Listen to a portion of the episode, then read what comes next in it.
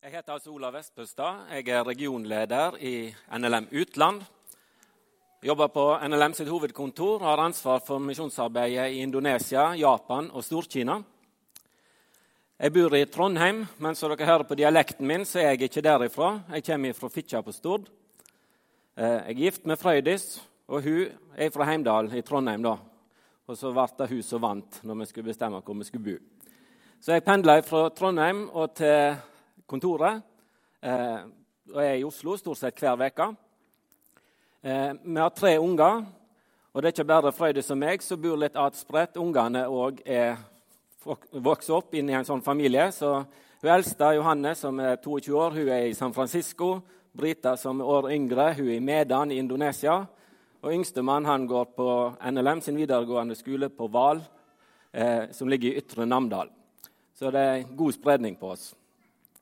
Det er kjekt for meg å få være sammen med dere her i dag. og Teksten vi skal lese sammen, den står i Lukasevangeliet, i kapittel 18, vers 1-8, og vi reiser oss og hører den.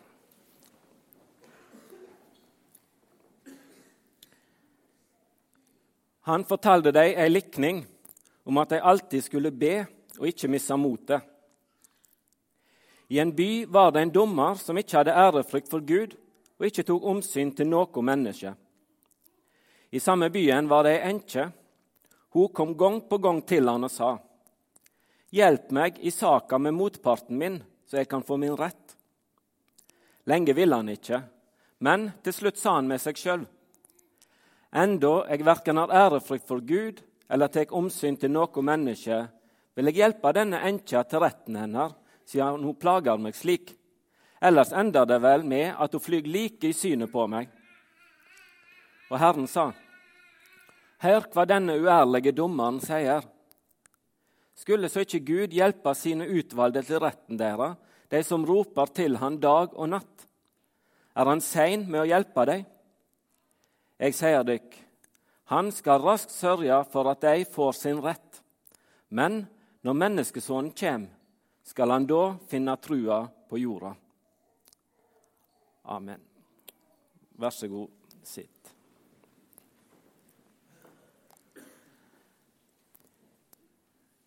I dag skulle jeg egentlig hørt en tale på kinesisk. NLM har invitert noen av eh, kirkelederne i Hønan-provinsen i Kina på besøk. Og De skulle egentlig komme til 17. mai og vært i Norge fram til pinstid. Men de fikk ikke utreisetillatelse i tide. De fikk ikke engang ordna seg pass, sånn at eh, besøket da ble utsatt. Vi prøver igjen neste vår og ser om det lukkes da. Denne gangen så gikk det ikke, og derfor så står jeg her. Og Dere skal slippe å høre på en tale på kinesisk, for det kan jeg ikke. Men jeg håper at dere forstår vestlandsdialekten min. Det er jo mange fra Kina som reiser. Det er jo et av de store turist, et av de land i verden med flest turister. Og Norge får stadig flere turister fra Kina på besøk. Men når vi inviterte disse kirkelederne, så slapp de ikke ut av landet. Er det sånn at de kristne opplever å bli rettferdig behandla rundt om i verden? Episoden med det manglende passet kan jo tyde på at det her blir det lagt kjepper i hjula for at de ikke skal komme seg ut. I Indonesia så har dere kanskje fått med dere på nyhetene at den kristne guvernøren i Jakarta, han som blir populært kalt for Ahok, han ble 9. mai fengsla til to års fengsel for blasfemi. Bakgrunnen for anklagen var at i forbindelse med valgkampen for å bli valgt om igjen som guvernør, så hadde han en uttalelse på et valgmøte der han sa at eh, det står ingenting i Koranen om at muslimer er nødt til å stemme på en muslim. Dette ble fanga opp, og det ble brukt. Og det ble brukt av muslimske ledere til å arrangere demonstrasjoner mot Ahok, ikke bare i Jakarta, men i hele Indonesia. De fleste mener at eh, bakgrunnen for både anklagene og arrestasjonen ikke er religion, men det er politikk. Og de mener at anklagene som førte til dom, de er ikke rette. Straffa står ikke i strid med handlinga. Hvordan kan sånne ting skje imot en kristen guvernør i det landet i verden med flest muslimer? Har Gud svikta? Gud han har jo lova å være den gode hyrde, som leder til grønne enger, som leder til vann der en finner hvile. I dagens lesetekst fra Gamle testamentet så står det følgende i Jeremia kapittel 29. For jeg veit hva tanker jeg har med dykk, sier Herren. Fredstanker og ikke ulykkestanker. Jeg vil gi dykk framtid og von. Når de kaller på meg og kommer for å be til meg, vil jeg høre på dykk. De skal søke meg, og de skal finne meg. Når de søker meg av et helt hjerte, let jeg dykk finne meg, sier Herren. Helt siden blasfemianklagene imot Ahok kom opp i slutten av september i 2016, så har kristne i Indonesia bedt for Ahok. Han har sikkert bedt sjøl og kristne rundt om i verden har bedt for han. Til og med på bønnemøter som vi har hver torsdag i NLM Utland, har AOK og hans sak vært bønneemne. Hvorfor blir det da sånn at han blir fengsla? Har ikke han søkt Gud av et helt hjerte, siden de ikke opplever bønnesvar? Har de kristne i Indonesia ei dårlig tru slik at det ikke blir bønnhørt? Og hvordan står det egentlig til med oss som er på NLM utland, når ikke engang våre bønner blir hørt? Er det sånn at Gud ikke er til å stole på? Er Gud lik en humørsjuk hersker som noen ganger tar imot ei bønn og oppfyller den, og andre ganger lar det være å oppfylle? Dagens tekst kan kanskje forlede oss inn til å tenke sånn òg. For den handler jo om bønn, og den handler om en gudløs dommer som heller ikke tar omsyn til medmenneskene sine. Det er enka i teksten som har opplevd urett. Hun går til dommeren for å få hjelp, men denne dommeren var ikke interessert i å hjelpe. Men enka var pågående, hun var utholdende, og til slutt så sa dommeren ja til å hjelpe henne, slik at han fikk fred. Hvis han ikke gjorde det, så så han på at dette var ei dame med sterke følelser og kunne fly rett i synet på han hvis han ikke oppfylte bønna hennes. Jeg har sjøl tre unger, og heldigvis har det vært greie unger å ha. Eh, men likevel har det jo hendt at de har bedt om ting som jeg ikke har hatt lyst til å gi dem. Når jeg har sagt nei, så har det òg hendt at de har gått videre til Frøydis, kona mi. Men hun òg har kanskje sagt nei. Men så har de vært pågående, og de har mast og de har spurt. Og til slutt så har det hendt at vi òg, selv om vi har sagt nei begge to og var enige om at sånn skulle det være, så har vi firt. Og de har fått viljen sin bare for å få fred. Er det sånn i bønnelivet vårt med Gud òg. Legg merke til at eh, når vi leste denne teksten, så er den helt annerledes enn f.eks.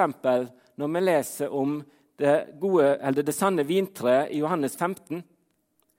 For Når Jesus forteller om det sanne vintreet, så åpner han med å si Jeg er det sanne vintreet, og far min er vinbonden. Der er det ingen tvil. Bildet er direkte overførbart på Gud. Men i dagens tekst så er det ikke sånn. Det står ingenting om at eh, nå skal jeg lære dere om bønn, og Gud er som denne urettferdige dommeren. Nei, det står ikke sånn. Nærmere tvert imot. Gud er slett ikke lik denne urettferdige dommeren. Og Poenget her er vel mer å si at Jesus han ønsker å si at eh, når til og med en ugudelig og urettferdig dommer kan finne på å oppfylle bønner, hvor mye mer vil ikke Gud oppfylle bønner? Hvor mye mer vil ikke Gud lytte til de som ber til ham? Gud er rettferdig, han er kjærlig, han er nådig, og han ønsker å engasjere seg. Poenget med den fortellingen som Jesus fortalte, det er å understreke betydningen av å be, viktigheten av å be, og for å unngå at eh, vi som ber, skal miste motet. Og Det er en nyttig påminning, tror jeg. Du har kanskje bedt for den samme tingen i år etter år. Og det kan se ut som at Gud lar være å svare. Til alle som har sånne erfaringer, så har min tidligere nabo Trygve Bjerkreim skrevet sangen 'Det er makt i de foldede hender'. Det er makt i de foldede hender. I seg selv er de svake og små, men mot allmaktens Gud du dem vender. Han har lovet at svar skal du få. Det er svar underveis, engler kommer med bud. Om det drøyer, det fram dog skal nå. For det lovet jo løftenes trofaste Gud. Kall på meg, og du hjelpen skal få.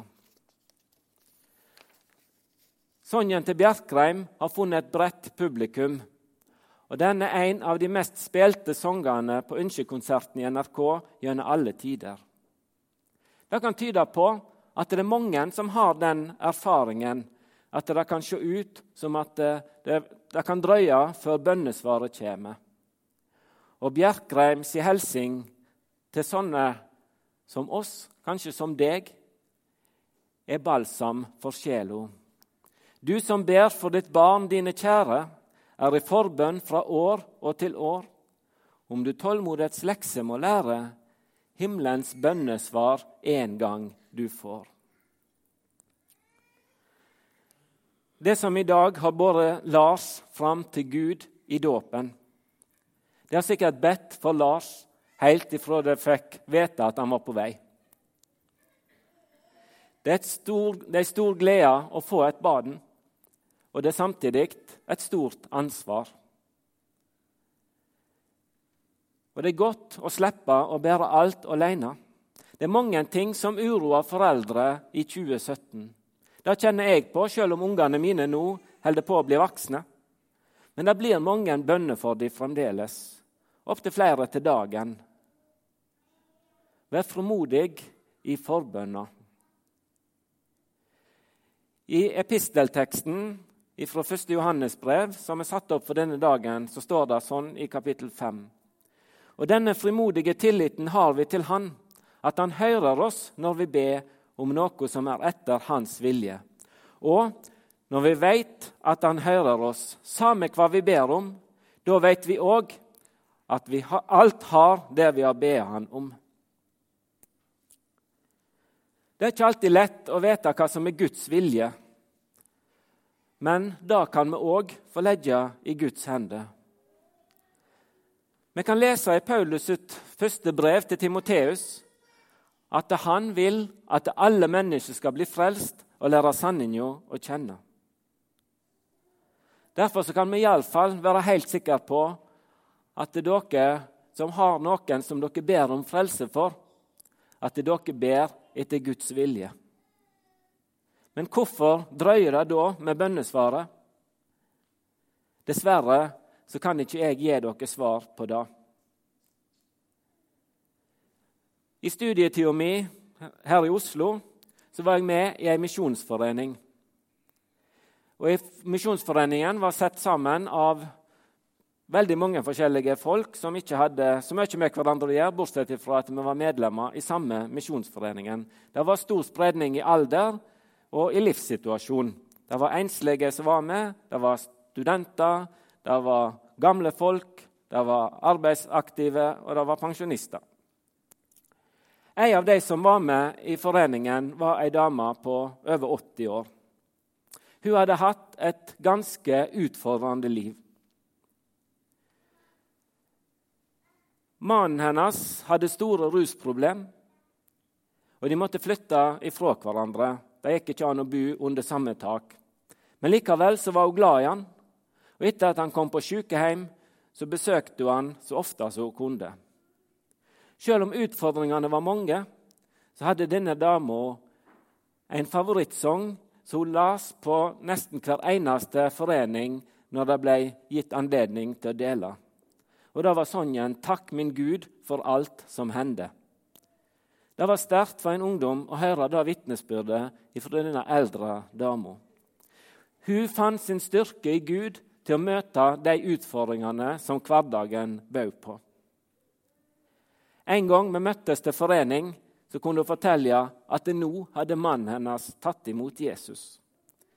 Han hadde vært gjenstand for hennes forbønn gjennom et langt liv. Men bønnesvaret kom ikke før mannen lå på dødsleiet. Men det kom. For meg har den eldre dama vært et forbilde på hva det vil si å holde ut i bønn.